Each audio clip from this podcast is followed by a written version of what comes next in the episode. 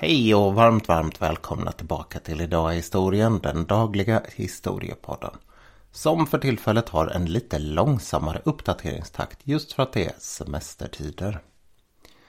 Jag heter som alltid Nils Hjort och idag så tänkte jag att vi skulle ta en liten titt på vad som hände i Trelleborg den 1 augusti 1929. Men som alltid så kan ju inte en historia på det här sättet isoleras till en dag. Utan istället så ska vi sträcka ut tiden ända tillbaka till vikingatiden och ända fram till idag. Och gruppen som det gäller det är svenskbyborna eller gammalsvenskbyborna, vilket man vill kalla dem. Alltså den befolkningsgrupp som bodde i gammalsvenskby i Ukraina. Det är svenskar med väldigt gamla svenska rötter som har åkt en rejäl rundtur runt om i Europa och hamnat i klorna på de flesta av de galna diktatorerna som fanns under 1900-talet. Jag har alltid tyckt att den här gruppen har varit väldigt intressant just för att de har bevarat sin kultur så långt ifrån hemlandet. Men jag måste säga att efter att ha läst på inför den här podden så blev jag förvånad. Det har kommit fram en hel del nya saker under de senaste åren och det är en historia som absolut inte är vacker på något sätt och vis. Tvärtom så är det just de här diktatorerna som jag just nämnde och deras hejdukar på olika sätt och vis som har ställt till det för den här gruppen. Så även om du tycker att du känner till historien om gammalsvenskbeborna bra så lyssna eller fortsätt lyssna för det är faktiskt väldigt mycket spännande saker som kommer hända i den här gruppen. Men som sagt, först tillbaka till vikingatiden. Man vet om att det har funnits svenskar på Dagö. Ni vet de här två stora öarna som ligger inne i Rigabukten och tillhör Estland. Ösel och Dagö, den norra av de öarna, den som Estonia sjönk ganska nära. Där vet man att det har funnits svenskar sedan vikingatiden som sagt. Och det var en väldigt viktig ö för svenskarna. Därför att de for ju över Östersjön och vidare in i Ryssland. Och då mellanlandade man just här på Dagö. Och som väntat så var det några som bosatte sig där och blev kvar. Dagö har senare styrts av alla möjliga olika personer men det som är väsentligt här är att när tyska orden, alltså de gamla korsfararna som bosatte sig i eh, hörnet av, eh, vad vi ska kalla det, sydöstra hörnet av Östersjön runt Kaliningrad idag och norrut och söderut. De hade hand om den här ön och de gav svenskarna en hel del privilegier. När Dagö 1561 blev svenskt så fick de här privilegierna leva kvar. Och dessutom så fick de del av en hel del saker som svenskarna hade som skilde dem från resten av Europa. Under 160 år här nu fram till 1721 så kommer de tillhöra bondeklassen i Sverige. Och bondeklassen i Sverige det var ju ett av de fyra ständerna. Och de kunde ju välja sina representanter att skicka till Stockholm. Men det innebar också att de hade rättigheter, rättigheter som var inskrivna i lag. Och rättigheter som man kunde hänvisa till när orättvisor drabbade dem. Den här gruppen var därför, precis som bönder runt om i Sverige, väldigt vana vid att hantera bekymmer på det här sättet. Man skrev till kungen och klagade. Kulturellt så hade man en väldigt tydlig koppling till Sverige. Både till den västra rikshalvan, alltså det som är Sverige idag, och till den östra rikshalvan, det som idag är Finland. Och det var inte ovanligt att de här personerna tog båt och åkte över till Sverige och Stockholm för att söka arbeten under perioder. I och med freden i Nystad 1721 som avslutade det stora nordiska kriget så förlorade Sverige Ösel och Dagö tillsammans med stora delar av områdena som man hade i Estland och runt Finska viken. För de här bönderna så innebar det inte en direkt katastrof men på sikt så skulle det leda till en. De fick nämligen en ny markägare och de var inte längre undersåtar i ett land där de hade representation. Utan istället så tillhörde de nu, nu till väldigt stor del markägaren så som man gjorde i Ryssland. Det var flera olika konflikter och man försökte försvara sig genom att säga att vi har våra okränkbara privilegier Och man kom ganska långt på det fram till 1780. Då hade man en ny markägare som hette Carl-Magnus Stenbock. Och den här mannen han sa att de här privilegierna de gäller minsann. Men från och med nästa år så ska de omförhandlas och kommer att upphöra. Bland annat så skulle man då börja ta ut skatt och dagsverken från svenskarna. Och de blev rasande. Så pass rasande att de gjorde precis det här som jag sa tidigare. De kontaktade makten. Makten i det här fallet, det var den välkända tsaritsan Katarina den andra, mera känd som Katarina den stora. Hon hörsammade de här svenskarnas klagomål och hon sa att ni är väldigt välkomna att flytta någon annanstans i mitt rike. Hon kom på, förmodligen med hjälp av den här mannen Stenbock, att man hade ett stort landområde som man precis hade tagit från ottomanerna i södra Ukraina. Det här området det kallades för Novorossia och det var ett område som man behövde fylla med folk, folk som var duktiga jordbrukare. Sagt och gjort så kontaktade man generalguvernören i det här området. En inte helt okänd man som ryktas ha delat säng med tsaritsan både en och två gånger. Grigori Pachemkin. Eller som han är mera känd på svenska, Potemkin. Ni vet han med Potemkin-kulisserna. Där han byggde upp låtsasbyar som skulle se ut som att det var fina ståtliga saker på håll. Men när man red fram till dem så var det bara en liten vägg som stod upp avmålad till ett hus. Svenskarna på Dagö de tackade ja till det här erbjudandet och det var väl delvis på grund av att man ville undan från någonting som var ganska dåligt och dessutom för att man var utsatt för en del, ska vi kalla det, kreativ PR från den ryska maktens sida.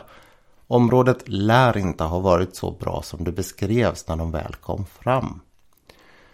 1782 så grundar därför 985 personer som kommer fram den här byn, gammal svensk by. Eller som den heter, hette, får vi säga, officiellt på ryska, Starosvedskoje.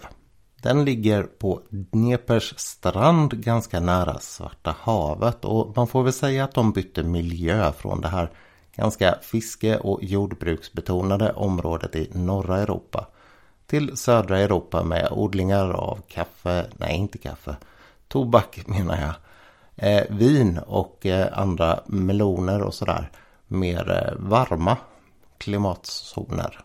Av någon anledning så gavs de status som utländska bosättare i Ryssland, inte som ryssar. Och det gjorde att de fick lite privilegier, både ekonomiska och juridiska sådana. Till exempel så hade de en särställning vad det gällde språk. Och det här har gjort att de ganska väl har kunnat bevara sin kultur. Man byggde till exempel den första lutherska kyrkan i hela det här området Novorossia. 1790-91 så kom det ett dussin krigsfångar från kriget som Katarina då hade, eller ja, Gustav III hade startat mot Katarina. Ni vet det här där man hade det Viborgska gatloppet och allt det här. Och jag tror att det är det som har lett till att det har letat sig in lite mer svenskbetonade namn bland de här mer estniskbetonade som de ursprungliga hade. De första som kom dit de känns igen på sina namn som ofta slutar på AS. Det vill säga namn som Hoas, Utas, Knutas, Malmas, Buskas, Annas och så vidare. Hinas kan vi säga och Hansas också. Däremot så finns det familjer som heter Norberg och jag antar att det är de här gruppen som kom senare. Dessutom så finns det en släkt därifrån som heter Sigalet, tror jag det ska uttalas. Som har kommit tillbaka till Sverige genom en hockeyspelare faktiskt. Vi ska återkomma till det där lite senare. På samma vis som vi kommer komma tillbaka till det här med att skriva brev. Den här gruppen de lyckades ganska bra där i södra Ukraina. Man ordnade det ganska bra för sig med kontakter tillbaka till både Finland som då hade blivit en del av Ryssland precis som de själva var bosatta i och också med den rikssvenska delen. Så man hade svenska språkkontakter på två håll. En del av de som bodde här de prenumererade också på svenska tidningar. Och de här privilegierna man hade de levde, fram, levde kvar fram till slutet av 1800-talet. När man börjar genomföra en hel del borgerliga liberala reformer i Ryssland. Som gör att man tar bort de här olika undantagen. Man hade det definitivt bättre än sina tyska och judiska grannar. 1805-1806 hade det kommit tre tyska byar runt den här svenska bosättningen. Och det hade varit lite knorr i relationerna de fyra byarna emellan. Den största av de här tyska den hette Schlangendorf. Och den kommer återkomma senare i den här berättelsen den också. En annan sak som utmärkte svenskarna det var just den här etniska medvetenheten. När man besökte byn så var folk, alltså olika administratörer i det tsariska riket ganska förvånade över hur etniskt medvetna de här var. Och Det gjorde också att man betedde sig ganska annorlunda. När man började bråka så gjorde man det just på det här sättet som jag nyss nämnde. Man skickade brev istället för att kriga. Det gjorde slaverna och kosackerna runt omkring dem istället. Och det här särdraget det är någonting som har levt kvar antar man. Från den här tiden 1561 till 1721 när Dagö var svenskt. Och det kommer att rädda gruppen framöver i flera knepiga situationer. För att bevara sin svenskhet så hade man skola, församling, bibliotek och dessutom lite sådär studiecirklar och saker.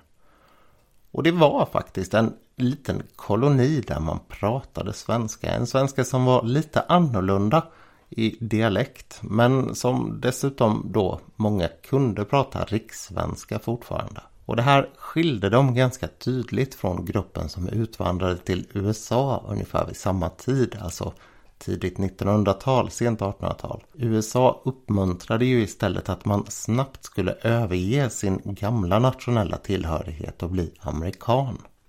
Men det är nu som moln börjar samlas på horisonten.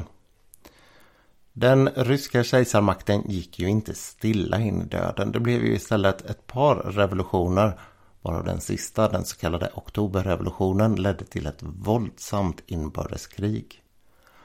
För gammalsvenskbebornas del så innebar det här faktiskt att man återigen blev en gynnad grupp. Under Lenins tid så satsade man väldigt mycket på minoritetsgrupper. Bland annat så var judar väldigt gynnade. Men 1923 till 1929 så gjorde det här att den här gruppen, alltså gammalsvenskbeborna, gynnades på så vis att man lät dem ha ett visst självbestämmande, man lät dem skydda sitt språk och man gav dem dessutom förtur till olika offentliga tjänster. Det här var helt enkelt ett sätt att göra dem lojala till Sovjet. Och det verkar ha fungerat sådär faktiskt. Därför att i samma takt så förstördes ekonomin väldigt tydligt i Sovjet. Och när Stalin tog över så började han väldigt hårt att driva på kollektiviseringen. Gammalsvenskbyborna de bestämde sig för att de ville återvända till Sverige. Och det här skulle vara inledningen till en både splittring och karusell som emellanåt blev väldigt, väldigt våldsam. Men det hade de ju såklart ingen aning om än. Det hela det inleddes med att prästen i byn, Kristoffer Hoas, tillsammans med en annan man tog kontakt med Sverige och sa att vi måste få återvända för det är gräsligt här nere. De här två de for sedan till Sverige och började förhandla för det här. Och man lyckades driva igenom en möjlighet att resa till vad man då kallade hem. Även om det då rörde sig om folk som inte hade varit svenska någonsin och som senast styrdes av Sverige 1721. Den här gruppen de skulle i juli 1929 segla ut från den närliggande staden Cherson och den 1 augusti 1929 anlända i Trelleborg. Det rörde sig om knappt 900 personer. De skulle få fortsätta från Trelleborg och upp till Jönköping. Upp till ett gammalt militärområde, det gamla I12 som låg här innan det flyttades. Det här området, där hade man precis haft Jönköpingsutställningen 1928 också. Och det är precis i hjärtat av den här utställningen som man flyttar in. Det är en hel del Jönköpingsbor som lyssnar på den här podden.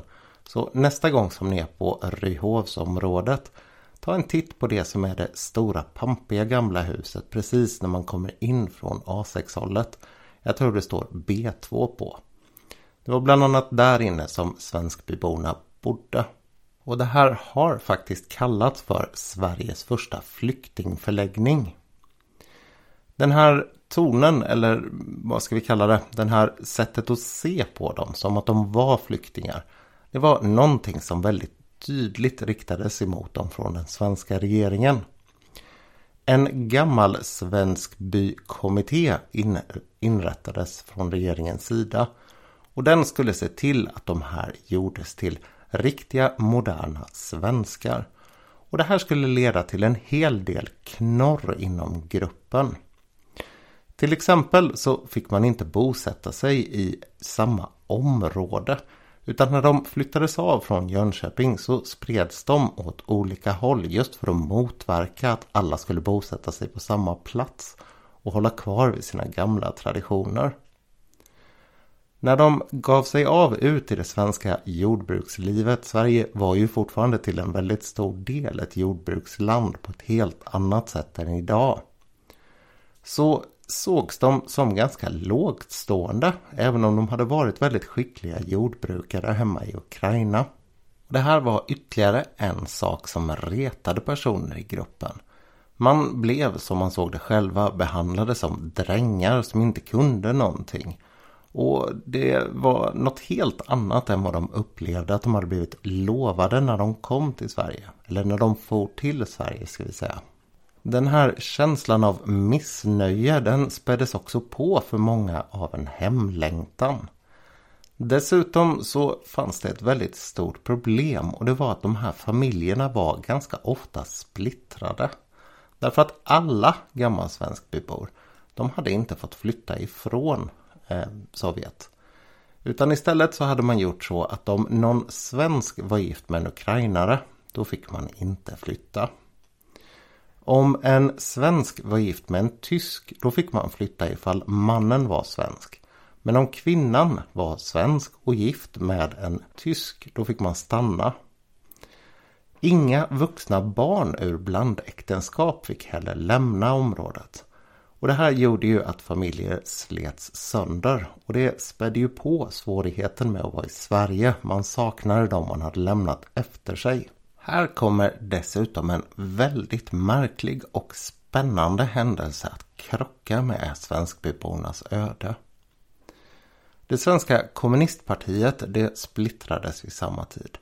Det var en grupp som ville fortsätta vara trogen Komintern, alltså den här delen som styrdes från Sovjet. Och en del som ville vara oberoende och leva kvar själv. Den mindre delen av de här, de brukar kallas för silenarna. Och det var de som ville fortsätta ha kvar kontakterna med Sovjet. Den här gruppen fick genom Komintern en hel del skit för att de inte hade fått med jordbrukarna att rösta på dem i Sverige.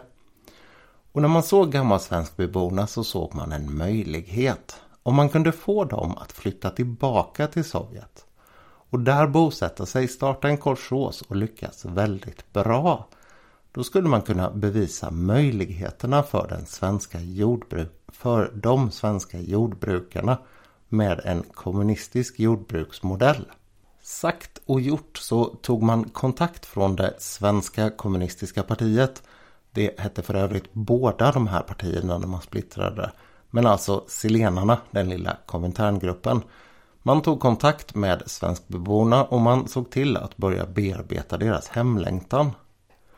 Man förklarade att om man skulle resa hem så skulle man få massor med fantastiska saker. Jordbruket skulle bli kollektivt, det var inget tal om den saken. Men man skulle få äga sitt eget hus, man skulle få äga sin egen traktor och dessutom, nej, sin egen trädgård. Och dessutom så stod det mängder av traktorer till deras förfogande. Det skulle bli ett modernt jordbruk på ett helt annat sätt än vad det hade varit tidigare. Det här började redan under tiden som de var i Jönköping och en hel del personer de svalde det här betet. Man började ge sig ut och turnera runt i Sverige ihop med kommunisterna och förklara att det här hade inte alls gått som man hade väntat sig. Det enda man ville det var att åka tillbaka hem. Frågan gick ända upp till den ryska ambassadören i Sverige. Den alltid lika omoraliska Alexandra Kollontaj. Hon skötte förhandlingarna med den svenska statsministern och man såg till att säga att vi egentligen inte är särskilt intresserade av att få hem de här men vi kan väl göra det för att vi är så schyssta. Samtidigt som man då genom kommunistpartiet bearbetade dem och lovade fantastiska möjligheter när man kom tillbaka till Sovjet. Och Alexandra hon rapporterade i flera eh, delar av det här direkt tillbaka till Stalin. Så det här var en väldigt, väldigt viktig del i den sovjetiska politiken. Och varför var den då det? Jo, det hade blivit problem efter att gammalsvenskbyborna lämnade Ukraina. Jag var ju som jag tidigare sa tyskar, judar och eh, lite andra sådana etniska grupper som bodde runt omkring byn. När de såg att svenskarna bara kunde ta och sticka, då ville de också göra det. Och för att kunna stoppa den utvecklingen så ville man nu alltså ha en propagandaseger genom att visa Titta, svenskarna, de tog sitt förnuft till fånga, de kom tillbaka.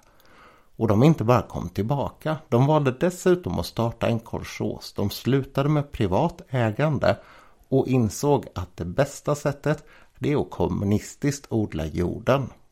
Genom det svenska kommunistiska organet Arbetarnas gammelsvensk bykommitté så lyckades man ragga ihop sammanlagt 250 av de här 880 eller knappt 900 som hade kommit hit som ville flytta tillbaka. Så under åren 1929, 30, 31 så flyttade först två små skvättar och sen en större grupp tillbaka till byn.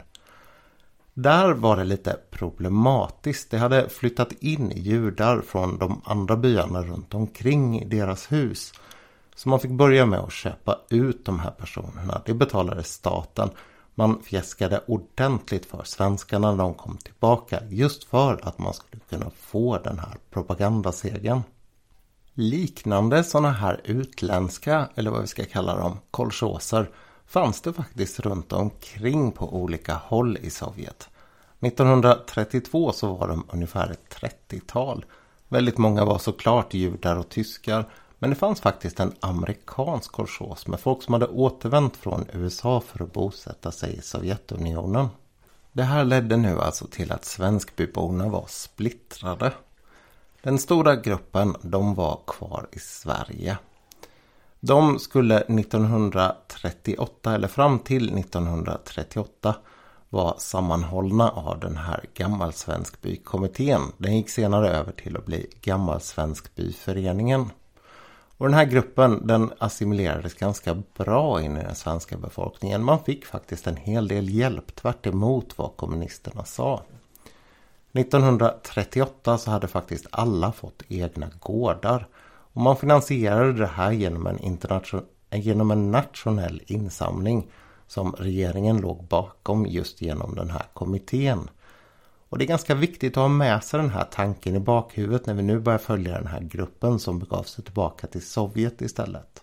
Det är också värt att notera att den här gruppens beslut att fara tillbaka inte var helt baserat på kanske de bästa kunskaperna om vare sig situationen i Sverige eller situationen i Sovjet. Och att de dessutom var eh, måltavla för en hel del påtryckningar.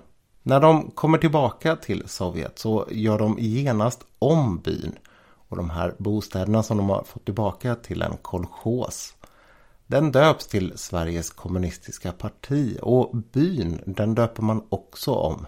Från Gammal Svensk by till Röd Svensk by. Stora delar av det här stödet man hade utlovats, det fick man faktiskt. Det fanns en hel del bra utsäde, det fanns en hel del maskiner till deras förfogande. Och med sig från Sverige så fick de ett antal experter, svenska kommunister som reste med eh, svenskbyborna tillbaka ner till byn.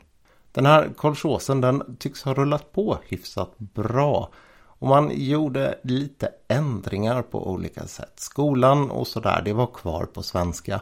Men i och med att Sovjet i grund och botten var en ateistisk republik så kunde man ju inte ha kvar kyrkan. Den här kyrkan den gjorde man istället om till en form av klubbhus. Så altartavlan den ersattes av en stor röd stjärna.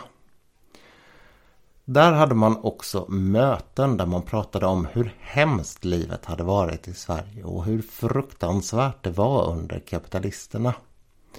Måltavla för den här propagandan det var de olika grupperna runt omkring. Man bjöd in tyskarna och judarna för att komma på möten och höra om hur det hade varit. Det här var inte det enda sättet som man spred den här propagandan på. Man skrev i de flesta stora sovjetiska tidningar. Det gavs ut en bok som hette Två år i Europa där man beskrev hur hemskt allting hade varit. Och man spelade dessutom in en kortfilm om det hela. Man beskrev här hur det hade varit att man fick dricka vatten ur samma tunna som man hade kornas urin i. Hur man hade fått föda liggande ute på gårdsplan på bondgårdarna. Och en liknande propaganda den ägnade sig de svenska kommunisterna åt i Sverige. Det skrevs en bok om Svenskbyskandalen av chefredaktören för Ny Dag till exempel. Och man skrev väldigt väl om hur bra jordbruket gick nere i Gamla Svenskby. Allting enligt rapporter därifrån. Den här hörsamheten från svensk vänsterpress sida, det var inte så märkligt. För när partiet splittrades, det svenska kommunistpartiet splittrades, så fick man en hel del tidningar köpta åt sig med pengar från Komintern. Och det var de här tidningarna som nu hjälpte till att sprida propagandan om hur det gick i det här läget. En sån sak som man engagerade sig i det var när den första gruppen hade rest ner och det var dags för den andra gruppen att komma efter. Alltså 1930. Så eh, sa svenska regeringen att vi vill veta hur det gick för de första. Skulle vi kunna få undersöka den saken? Sovjet de sa tvärstopp nej. Det behövs inte, de har det jättebra. Vi förstår inte varför ni håller fast folk som vill resa till Sovjet och som inte trivs i Sverige.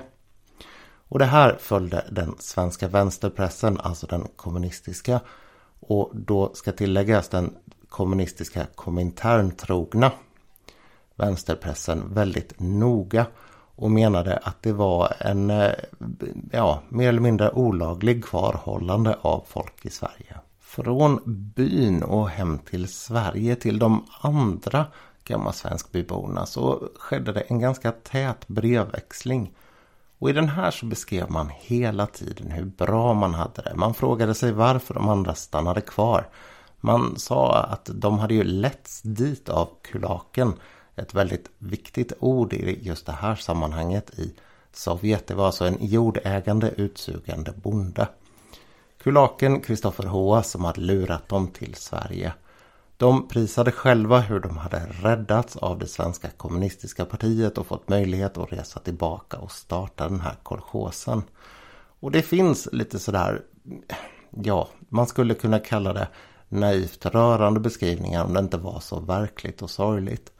Men de beskriver hur de har stora fester och går på bio, hur allting är toppen och de har massor med mat att äta och sådär. Men det skulle inte hålla särskilt länge. För de som hade gått med i kommunistpartiet så var det här en period av stort flyt.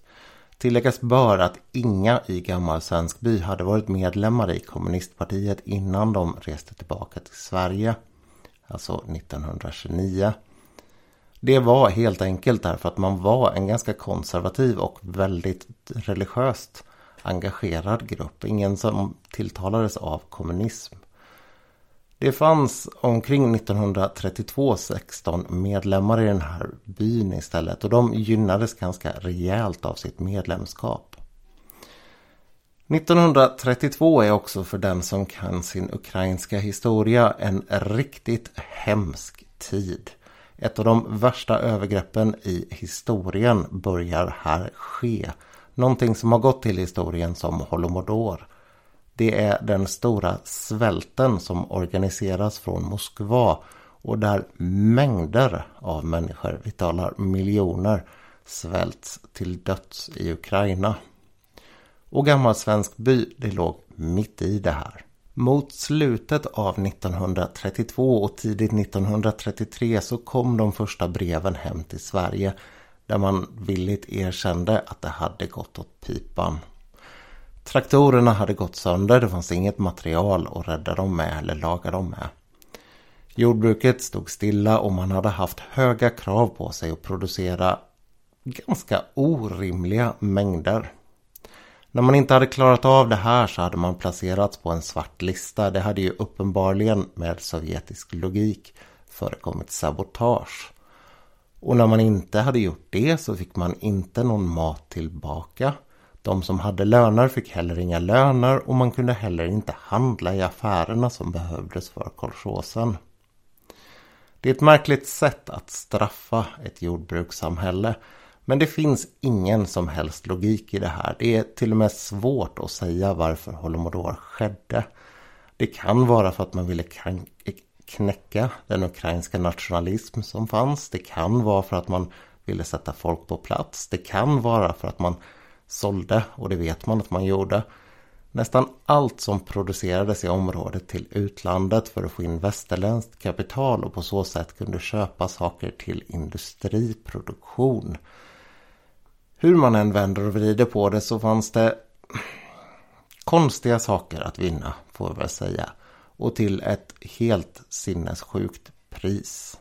Runt om i området så försvarade armén och eh, olika politiska grupper det utsäde som fanns. Och folk de började istället att äta gräs, hundar, katter, sina andra egna tamdjur och ganska snart så förekom det också kannibalism. En ganska utbredd kannibalism dessutom.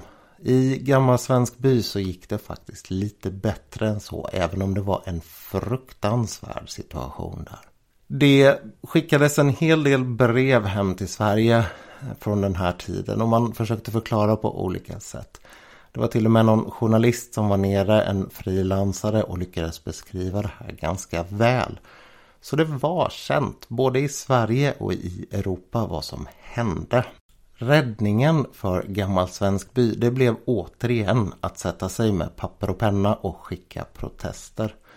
Först så försökte man få kontakt med tyska grupper i Odessa. Man hade nu börjat ett mindre samarbete med den här byn Schlangendorf. Det gick inget vidare och då skickade man istället en protestlista där man sa att man ville bli räddad återigen iväg ifrån gammal svensk by.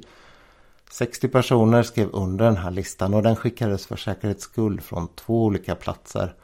Den ena den snappades upp av den sovjetiska underrättelsetjänsten och den andra den kom fram till Kristoffer Hoas i Sverige. Det var honom man vände sig till återigen. Med här är också intressant nog två av de svenska kommunistiska experterna som hade blivit nedskickade för att hjälpa till i byn.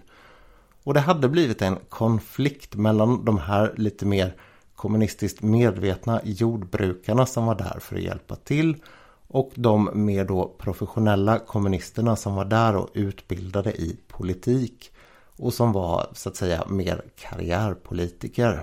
Det hade dessutom skett en splittring mellan de svenska kommunistiska, eh, alltså då politiska experterna och gammal svenskbyborna som tyckte att de bara var i vägen och kontrollerade jordbruket på ett sätt som störde och förstörde. Resultatet var att det började skickas pengar och matpaket både privat och genom Röda Korset ner till Gammal Svenskby. Och som ett mirakel så var det faktiskt ingen där som dog. Ett betydligt bättre utfall än i byarna runt omkring Schlangendorf och de här andra tyska byarna och judarna som fanns runt omkring. Det var dock ingen dans på rosor. Det hade varit en rejält hemsk upplevelse. Och när det här brevet hade malts igenom den sovjetiska underrättelsen då började arresteringarna i byn. De här grupperna eller personerna som arresterades de fördes undan och sattes i ett fängelse. Där fick man gå 7 kilometer till och från sin arbetsplats. Man arbetade från 5 på morgonen till 21.30 på kvällarna och fick ytterst lite mat. Några hundra gram bröd om dagen. Dessutom så väcktes man mitt i natten och förhördes. Man frågades varför man hade skrivit upp sig på den här listan och vad det fanns för anledning att vara missnöjd med Sovjet. Några av de här personerna de dömdes till tre års fängelse och en av dem han avled i fängelse. Några av dem var de här svenska experterna och de lyckades faktiskt senare ta sig tillbaka till Sverige. De betedde sig på lite olika sätt när de kom tillbaka. Några gick ur partiet, några berättade vad de hade varit med om och vad de hade sett. Eller förlåt, en gjorde det. Han uteslöts ur partiet och smutskastades rejält från kommunistisk vänsterpress återigen. De hade dessutom hållit tyst hela tiden under Holomodor den här stora svälten. Och inte skrivit en rad om vad som hade försiggått i Ukraina. Privat och senare så var det också en hel del av de här som började prata om vad de hade sett och varit med om. Och på 50-talet så kom det till exempel ut en bok som hette Jag litade på Stalin eller Jag trodde på Stalin. De som istället hade fortsatt vara trogna Sovjet, de gjorde en ganska god karriär inom partiet, flera av dem. De lyckades ganska bra först i Sovjetunionen och kom sen tillbaka till Sverige och gjorde politisk karriär även här. Och det är alltså det partiet som idag är Vänsterpartiet som låg bakom alltihopa det här. Ett relativt lugn fortsatte sen ner i gammal svensk by. Man visste vem som bestämde så att säga. Men för säkerhets skull så skulle den paranoide Stalin dra loss ytterligare en vända. Det är mellanperioden, mittenperioden här av 1930-talet. Det kännetecknas ju av hysteriska massarresteringar och mord eh, genomdrivna av hans olika hantlangare inom KGB. Och det här var någonting som också skulle drabba gammal svensk by. Man gav sig ganska medvetet på etniska minoriteter. Tvärt vad Lenin hade gjort så försökte man inte gynna de här för att göra dem lojala utan man försökte krossa dem för att visa vem som bestämde och göra folk till lojala Sovjetundersåtar. För gammal svenskbys del så innebar det att 22 eller 23 personer, det står lite olika på olika ställen, arresterades och avrättades. I några fall, så två fall tror jag, så var det både mamma och pappa i familjer som dödades. Och det gjorde ju att barnen placerades på sovjetiska fosterhem istället. I samma veva som den här kampanjen som kommer kräva ungefär 250 000 personers liv totalt över hela Sovjetunionen. Alltså den delkampanjen som riktade sig mot etniska minoriteter. I övrigt så räknar vi dödsoffren i miljoner. Men eh, den här delen av den här kampanjen den fortsatte också med att man förstörde allting som hade med nationell tillhörighet att göra. Så de rester som fanns kvar av den svenska församlingen, av den svenska undervisningen och sådär. Den tog man bort, biblioteket och så vidare. Gammal svenskbyborna hade då tillsammans med tyskarna i Schlangendorf börjat gå i kyrka där. Och kyrkan den leddes faktiskt ett tag av en av gammalsvenskbyborna. En kvinna som hette Alvina Hinas och hon skulle senare skjutas för vad hon hade gjort. Alltså att döpa barn och leda gudstjänster. Vad som hände med de här personerna det berättade man aldrig för deras familjer så man visste inte om någon var dödad eller om den bara satt i fängelse. Den här situationen den skulle fortsätta mindre våldsam men minst lika spänd fram till 1941. Då angriper Nazityskland Sovjetunionen och det går ganska fort fram till Ukraina. När tyskarna kommer dit så ställs de inför faktum att här finns det några hundra svenskar helt plötsligt mitt ute i Ukraina. Och man bestämde sig för att de är ju nästan som vi så de får nog räknas som folktyskar. Det vill säga de var tyskar, fick tyskt medborgarskap, man startade en tysk kyrka, en tysk skola i den här byn. Och svenskarna de behandlades inte ett dugg annorlunda än de tyskar som bodde i byarna runt omkring. Tvärtom så eh, rekryterade man ganska friskt till både polis och militär i den här gruppen. Man hade Hitlerjugend och Bund Deutsche Mädel och sådana här saker för ungdomarna i byn. Och 1942 så har man ett organiserat massmöte i byn där alla görs till tyska medborgare. Vare sig de vill eller ej bör tilläggas. Återigen här så är ju frågan om frivillighet väldigt intressant därför att alla var kallade till det här mötet och alla fick färdiga pass. De visste ju dessutom vad som hade hänt med judar och romer runt omkring dem så det var ju förmodligen ganska svårt att säga nej. För svenskbyborna så innebar alltså flyttet från tokstollen Stalin till tokstollen Hitler att man skickades uppåt i den samhälleliga hierarkin. Men det var inte tal om något större självbestämmande även om de fick en hel del privilegier. Tvärtom så fick man flytta till Tyskland 1943. Det kom då en order om att alla Svarta havstyskar skulle flyttas tillbaka till faderlandet. Det här innebar att 72 000 personer flyttades och bland dem de här hundratalen gammalsvenskbybor. De hamnade i Tyskland och var då fulla tyska medborgare som sagt. Vilket gjorde att de fick ett ganska gott liv där. De unga de pratade vid den här tiden ganska ofta tre språk. De pratade sin svenska, de pratade ukrainska och de pratade tyska. Två år tidigare, två år senare förlåt, så hann Sovjet ifatt dem.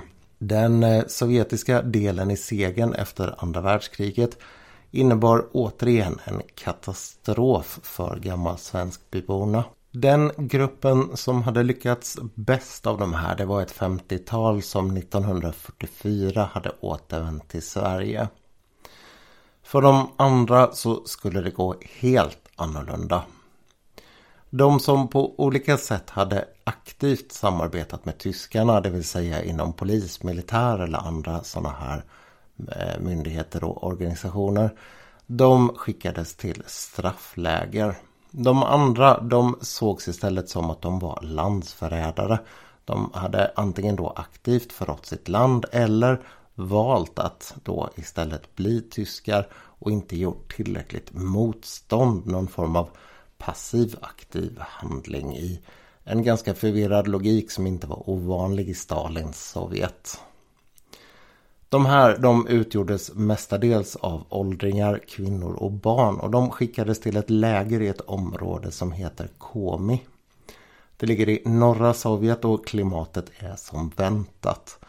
De skickades under sensommaren och hösten 1945 från Tyskland vilket innebar att de kom fram i december.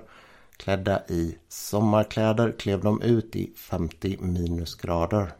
De bosatte sig i jordhålor som hade lämnats av de personer som tidigare hade arbetats till döds i det här lägret. Och de var sedan ute och arbetade i lågskor periodvis i minus 50 grader med att hugga ved och träd och så vidare. Det här rörde sig om ett hundratal personer och den stora gruppen, 65 var de, av dem dör 11 stycken inom det första dryga året, knappa två åren. Så det var väldigt hårda förhållanden som rådde här. Det var svält, det var kyla, man åt barkbröd faktiskt. Tillbaka till den gamla historiska klassikern.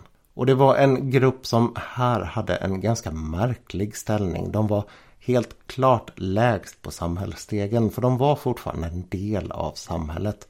De hade kvar sin rösträtt i den mån den fanns i Sovjet. Och de förväntades på så vis att vara politiskt aktiva. De skulle vara med på politiska möten. De skulle rösta och så vidare. Och i det så ingick ju hela tiden att uttrycka sin tacksamhet för Sovjetunionen. Att prisa Stalin och att hela tiden snacka en hel del skit om hur illa det hade varit i Tyskland.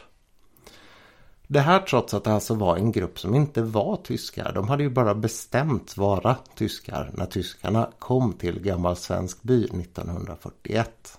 Och för att göra det hela ännu mer förvirrade så fick de inte prata svenska i lägret.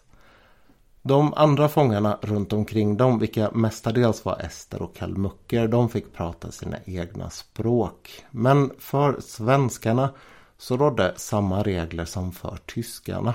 Man fick absolut inte prata och inte läsa svenska. Det här förstörde ju såklart en hel del av det religiösa livet och av kulturen runt omkring dem. Skolundervisningen fick inte heller ske på svenska och det var för de här barnen som fanns i det här området ett ganska tvärt kast återigen. Då hade de hunnit gå först i svensk skola, sen i ukrainsk, sen i någon rysk-ukrainsk skola, sen i en tysk skola och nu sattes de alltså i en rysk skola igen. Och det finns faktiskt någonting väldigt absurt i att tänka sig hur de här människornas liv utvecklade sig. Jag är ju Jönköpingsbo och jag är född i Jönköping Sofia som församlingen heter. Några av de här personerna är också födda i Jönköping Sofia. De föddes under tiden de var på flyktingförläggningen här uppe 1930.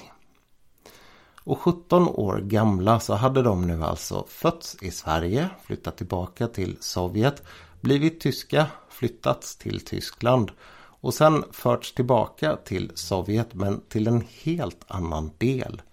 En del där de återigen blev sovjeter men var tvungna att bevisa att de var goda sovjeter genom att jobba stenhårt i ett fruktansvärt klimat. Och dessutom hela tiden eh, ja, häva otrevligheter över sitt tidigare liv och sina tidigare möjliga översåtar, vad heter det, herrar. Ehm, och dessutom hylla mannen som låg bakom hela den här tragedin. Runt omkring dem så såg de ju personer dö, personer som de älskade och hade levt med hela livet. Det här är en väldigt märklig ihopkokning av alla typer av galenskap som fanns i Europa vid den här tiden. Och jag tycker det är otroligt fascinerande hur gammalsvenskbeborna fastnar mitt i det här sammelsuriet. Tragiskt, oerhört tragiskt men samtidigt väldigt fascinerande. Återigen så skulle gruppens särdrag faktiskt rädda dem och det är återigen en av de här sakerna som gör den här historien så spännande. Det fanns en chefsmekaniker på det här stället där de arbetade. Han lär en kväll ha kommit ner i en av jordhålorna där, jordkulorna där och sagt Är ni svenskar? Ja. Varifrån i Sverige? Nja, vi är ukrainska svenskar. Han hade fascinerats av det här och självklart känt en sympati med sina landskollegor som ju egentligen inte var landskollegor, eller? I vilket fall som helst så började han hjälpa dem. Han var själv deporterad och hade tvångsarbetat här ganska länge. Han såg till att gruppen fick börja jobba inomhus och att de fick bosätta sig i riktiga baracker istället. Och när hans eh, straff tog slut tror jag, eller om han förflyttades, så var han med på att man återigen skulle skriva ett av dessa protestbrev. Det här märkliga särdraget som gruppen hade kvar. Tillbaka till någonting som nu var 180 år sedan. Det här brevet det skickade man inte till ledningen för lägret utan man skickade det till Moskva. Och det tog skruv. Det är det enda exemplet man känner till så här tidigt med att en grupp blir frisläppt genom ett initiativ som kommer underifrån. Och det här är helt out of this world för att uttrycka sig lamt. Men ja, jag har läst mycket om sovjetisk historia och jag är ganska chockad faktiskt att de lyckas på det här sättet. Men de gör det. Sommaren eh, 1946 så sitter de nej förlåt 1947 måste det vara, så sitter de på en godsvagn tillbaka ner till gammal svensk by. Det tar en månad att komma dit och när de kommer dit så är det ju återigen helt andra människor som bor i deras hus. Det här är människor som har råkat ut för sina egna personliga katastrofer. Polen flyttas ju efter andra världskriget västerut på bekostnad av tyska områden. Och det här gör också att grupper från Ukraina och Polen måste förflyttas. Och några av dem har hamnat i gammal svensk by i södra Ukraina. Mycket märkligt. De här människorna de får man flytta på och svenskarna flyttar in. Byn heter inte heller Starosedskoje längre utan man har döpt om den. Nu kommer den ett kort tag att heta Verbivka och senare så kommer den få dagens namn Smivka som är det här gamla Schlangendorf, tyska som jag har nämnt några gånger. Det namnet som den byn fick. För de här byarna de har ordentligt börjat växa ihop nu. Det som händer här är också på många sätt och vis en tragedi. Gammal svensk by tar här slut, inte bara till namnet utan även till kulturen. Den här rundflytten som inleds 1929 och som sen innebär att en liten grupp flyttar tillbaka till eh, sin ursprungsplats. Och att den här gruppen sen skickas först till Tyskland, sen i olika etapper runt om i Sovjet och tillbaka till södra Sovjet. Där de får flytta in i sina gamla bostäder. Den knäcker den kultur som finns kvar. Man börjar nu istället att använda slaviska namn på sina barn. Man slutar läsa svenska och man kan säga att det finns ingen som helst koppling mellan generationerna vad det gäller traditioner. Det är också väldigt svårt för den här gruppen att ha någon kontakt med Sverige på det sättet man hade kunnat ha tidigare genom tidningar och böcker och sådär. En liten del av den här gruppen de flyttar till Sverige 1965-66.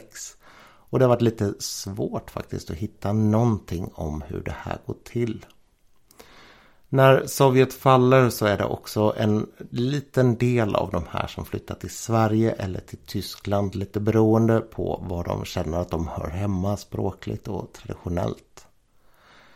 Kvar lämnar det en försvinnande liten grupp i början av 2000-talet så var det lite drygt 10 personer som fortfarande pratade svenska i den här lilla byn. Och alla var såklart väldigt gamla.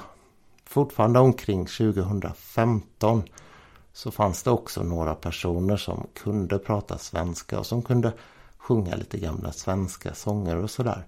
Några av dem födda i Sverige och sen reste runt på det här hiskeliga sättet. Sovjet hade alltså lyckats förstöra den här traditionen när man i lägret tog ifrån dem alla böcker och sitt språk och sådana här saker. Och det hela gjordes också betydligt enklare sett ur ett sovjetiskt perspektiv. Genom att inte hela gruppen kunde flytta tillbaka till hembyn utan de som hade levt i andra läger runt omkring och som inte var med och skrev under den här skrivelsen. De kom inte tillbaka förrän sju år senare när de kunde släppas från lägren. I hembyn i det som nu då hette Smivka så eh, var saker och ting väldigt, väldigt annorlunda. Det flyttade in en hel del slaver där. Judarna runt omkring de var borta såklart. De hade tyskarna haft ihjäl under andra världskriget. Och tyskarna själva de var också borta. De hade ju hamnat i de här lägren och de kunde inte vända sig till Moskva och säga Hallå, vi är inte riktiga tyskar, vi är svenskar. Så vitt jag vet så har de aldrig kommit tillbaka från de här lägren utan de tycks ha dött eller fastnat uppe i de här norra delarna av Sovjet långt in, långt fram i tiden innan de sen kunde ta sig ut. Det här gör, summa summarum, att det finns en hel del ättlingar till svenskbybor på väldigt olika platser runt om i världen. Några av dem de är kvar i gamla gammal svenskby i dagens Smivka. Några andra, den största delen, de finns i Sverige fortfarande. De som inte återvände ner under det sena 20-talet och tidiga 30-talet. Och de känns igen just på de här namnen som jag nämnde tidigare. Och det är inte så många generationer som de har bott i Sverige. Några andra de finns i Tyskland. De här som kunde återvända dit efter att de hade släppts i Sovjet. Och Sovjet hade fallit alltså. Och sen fanns det hela den här gruppen som försvann iväg till Kanada. Jag tror jag nämnde dem tidigare. Jag hoppas att jag gjorde det i varje fall. Och den här hockeyspelaren som jag nämnde tidigare, Sigalet. Han eh, har alltså en tradition eller ett arv bakåt som är ganska häftigt. Han spelade i Brynäs senast vad jag såg och är alltså kanadick. Men han tillhör då alltså historiskt en grupp som med vikingarna rimligen har hamnat på Dagö. Och sen genom det här märkliga eh, förhandlandet med Katarina den stora hamnar i Ukraina. Sen därifrån har stuckit undan kommunisternas kollektivisering och hamnat i Sverige. Därifrån stuckit till Alberta i västra Kanada och sen återvänt och börjat spela hockey i Gävle. Det är märkliga vägar historien kan ta sig. Den här podden den blev den längsta hittills och jag hoppas att det var tiden värt att lyssna på den. När jag började spela in det här, eller när jag började läsa inför det här så tänkte jag att det här kommer bara bli lite för långt som i vanliga fall. Sådär 21 minuter. Men ju mer jag läste, ju mer insåg jag att man har hittat mängder av nya saker om den här gruppens öden. Saker som är oerhört värda att berätta i mina ögon. Det är ganska fascinerande faktiskt hur en svensk liten grupp genom väldigt märkliga vägar hamnar mitt i stormens öga så att säga under 1900-talet. Och hur den här gruppen har splittrats och fått helt olika öden beroende av ganska enkla beslut. Jag nämnde tidigare att man inte berättade för familjerna vad som hände med de som man tog. Och jag kan avsluta med ett fall utifrån den historien. Det gäller en kvinna vars man blev gripen under den här perioden 1937-38 när man gav sig på etniska minoriteter. När hon stod inför möjligheten 1944 att antingen från Tyskland bege sig till Sverige och bosätta sig ihop med sina gamla släktingar som hon inte hade träffat på 14 år. Eller bege sig tillbaka till Sovjet vilket hade varit en katastrof fylld av svält, våld och hot. Så valde hon att bege sig tillbaka för att eh, ta hand om sitt äktenskap. Hoppas att hon hittade sin man. Han var såklart skjuten för länge sedan. De här personerna, man vet väldigt väl vart de fördes och hur de sköts. Rättegångarna var summariska minst sagt. Ehm, hon begav sig tillbaka och förlorade på det sättet ytterligare familjemedlemmar och led själv något oerhört. Med det så har jag egentligen bara en sak kvar att säga. Och det är nästa gång du upplever att du har blivit trampad på, att dina rättigheter har blivit trampade på. Skriv ett protestbrev banne mig. Det gör verkan även i de galnaste av Sovjettider. Tills vi hörs nästa gång. Allt gott. Hej hej.